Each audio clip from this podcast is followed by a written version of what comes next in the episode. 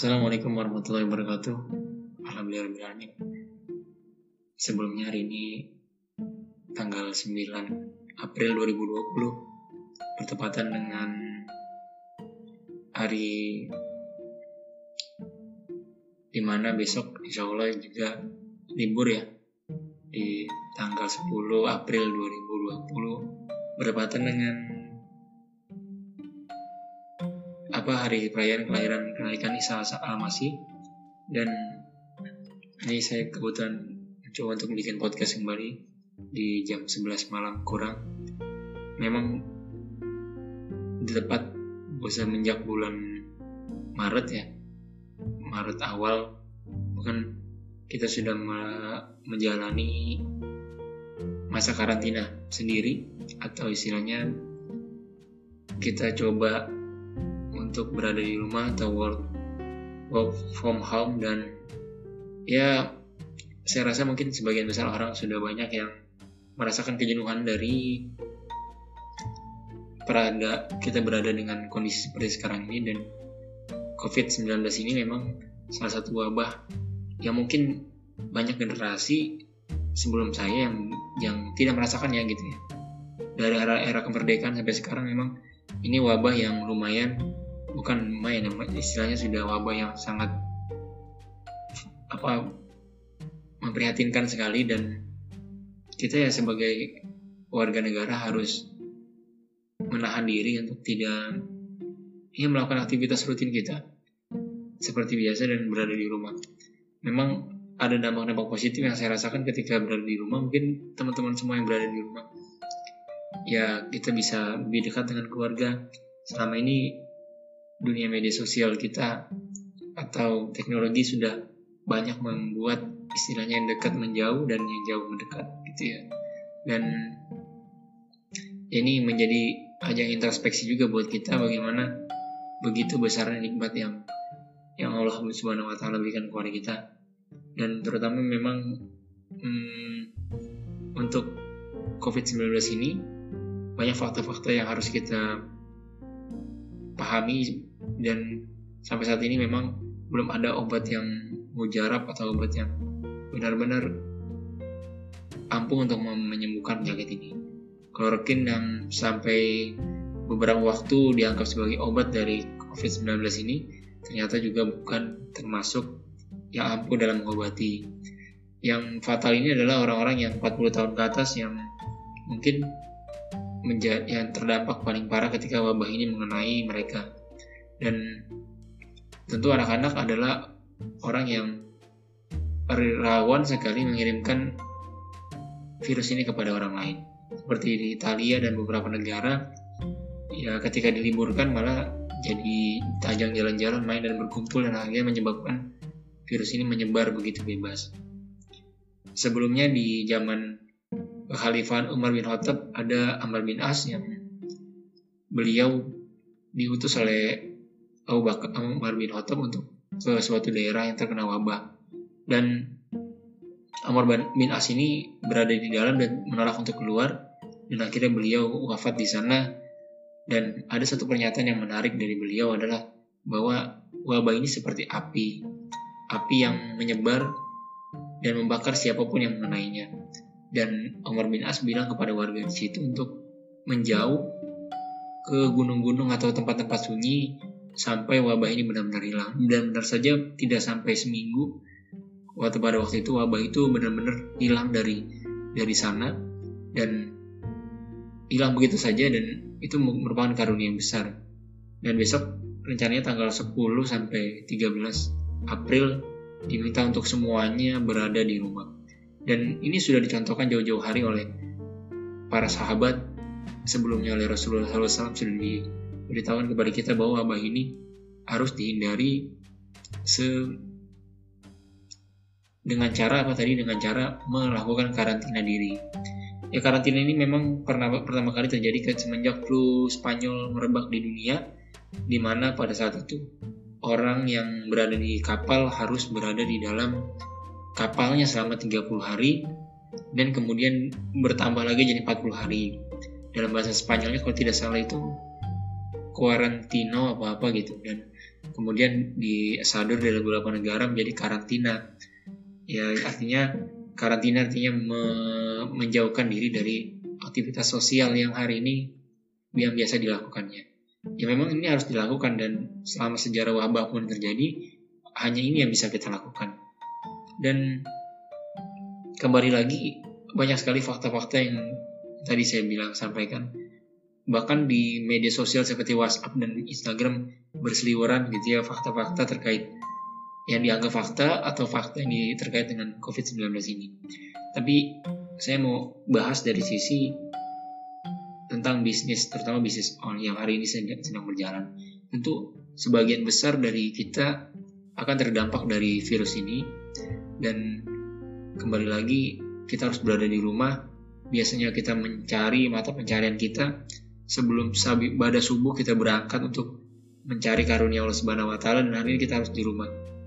Dan mungkin cara-cara bisnis yang berbasis teknologi ini sudah canggih kita bisa tetap menjadi lebih struggle. Ya orang-orang dahulu memang ditempa dengan minimitas atau minim apa sarana dan prasarana. Dan memang sarana dan prasarana ini seperti teknologi menyebabkan orang itu menjadi ya ibaratnya apa ya mudah bergantung dan akhirnya lemah gitu ya. Dan ini juga terjadi dengan teknologi kita. Teman-teman, mungkin banyak beberapa film yang menyebabkan orang terlena karena sesuatu hal. Salah satunya teknologi yang sekarang kita terima. Media sosial ada saat ini membuat orang menjadi gamang atau kebergantungan terhadap media sosial. Dari mulai anak yang mungkin tiga bulan kali enam bulan kali ya dengan teknologi itu sangat-sangat bergantung. Kalau kita, tidak kita atur maka mereka akan akan bingung untuk menyelesaikan masalah. Anak-anak itu dari kecil kalau misalnya dia digunakan diri ini keseharian untuk dengan teknologi maka seperti nonton YouTube dan sebagainya itu seperti kecanduan.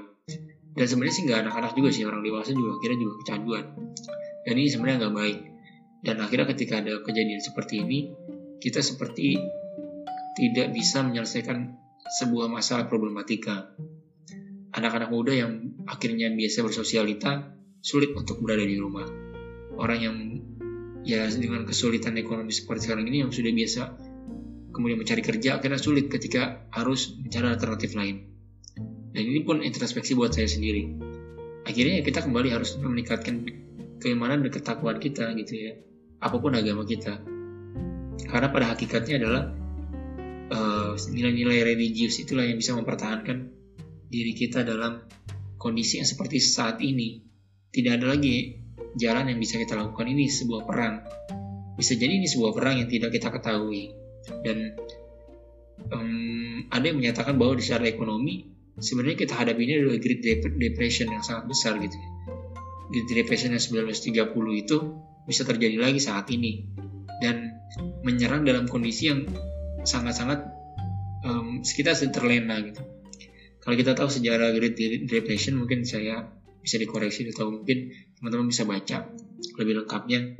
Itu kira-kira pada saat itu semua masyarakat sedang menikmati sebuah kondisi ekonomi yang sangat baik. Sebuah kondisi ekonomi di mana kemudahan teknologi pada saat itu bursa saham bisa diakses oleh siapa saja. Seperti layaknya perjudian yang legal gitu ya. Pada saat itu orang-orang bahkan tukang koran sekalipun bisa menanam sahamnya gitu. Tapi akhirnya faktanya akibat dari itu semua, akhirnya teknologi yang mereka atau saham yang mereka nikmati. Jadi hal itulah yang perlu memang kita sikapi lagi, kita pelajari lagi. Jangan sampai sejarah yang pernah terjadi kemudian terjadi lagi sekarang. Dan virus corona 19 ini merupakan pengingat buat kita semua. Dan dan anehnya memang virus ini seperti bermutasi dengan sangat cepat ya setelah pertama kali ditemukan di Arab Saudi itu yang di Arab Saudi itu bisa ditangani dengan baik tapi yang ini virus ini seperti lebih kuat lebih tangguh. Dan akhirnya ya entah kenapa saya seperti membaca sebuah pernah membaca sebuah ayat di dalam Al-Quran. Ya kerusakan yang terjadi di muka bumi ini karena ulah tangan manusia. Ya tapi ya kondisi bumi sekarang juga akhirnya yang bekerja keras untuk memenuhi kebutuhan masyarakat yang sebenarnya kerakusan juga ketamakan dan sebagainya akhirnya menyebabkan bumi ini yang menjadi rusak. Tapi ya ada dari virus ini ada dampaknya seperti ya cuaca menjadi lebih ringan lebih bersih maksud saya. Dan Cina yang penyumbang 30% populasi apa polusi di dunia akhirnya menjadi negara yang akhirnya apa uh, bersih udaranya gitu. Lingkungannya menjadi lebih asri. Bahkan hewan-hewan itu saya lihat baca bisa masuk ke dalam kota di sana nah ke sekedar informasi di Cina ini bahkan pemerintahnya pernah mencanangkan 34 jam kalau tidak salah untuk tidak menggunakan kendaraan. Jadi dalam satu hari di negara itu di Cina itu di Beijing kalau tidak salah itu tidak boleh menggunakan kendaraan apa pun motor mobil bus kereta semua berhenti dalam waktu itu. Dan besok harinya itu udara sangat-sangat jernih bahkan awal apa yang biasanya kabut itu hilang semua gitu. Dan ini contoh saja satu hari saja kita mau mengistirahatkan diri kita gitu ya. Bersama-sama gitu. Bumi jadi lebih lebih baik gitu ya. Dan melalui podcast ini mungkin ini ya sekedar diskusi bahwa mungkin kita butuh kesimpulannya ya kesimpulannya kita kita kita harus saling berbagi salah sesama bukan hanya sekedar berbagi konten atau hal-hal yang yang rasanya sudah tidak sudah melanggar batas-batas kemanusiaan seperti prank gitu ya. Aduh nggak menarik sekali gitu ya.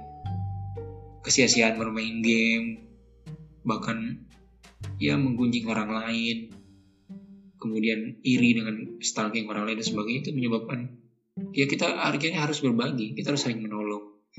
Hal-hal seperti mengambil kesempatan dari hal ini merupakan sesuatu yang kita harus dipertanyakan lagi ini yang melakukannya spesies apa gitu ya. Jadi memang seperti menimbun masker yang harus dibutuhkan oleh para tenaga medis.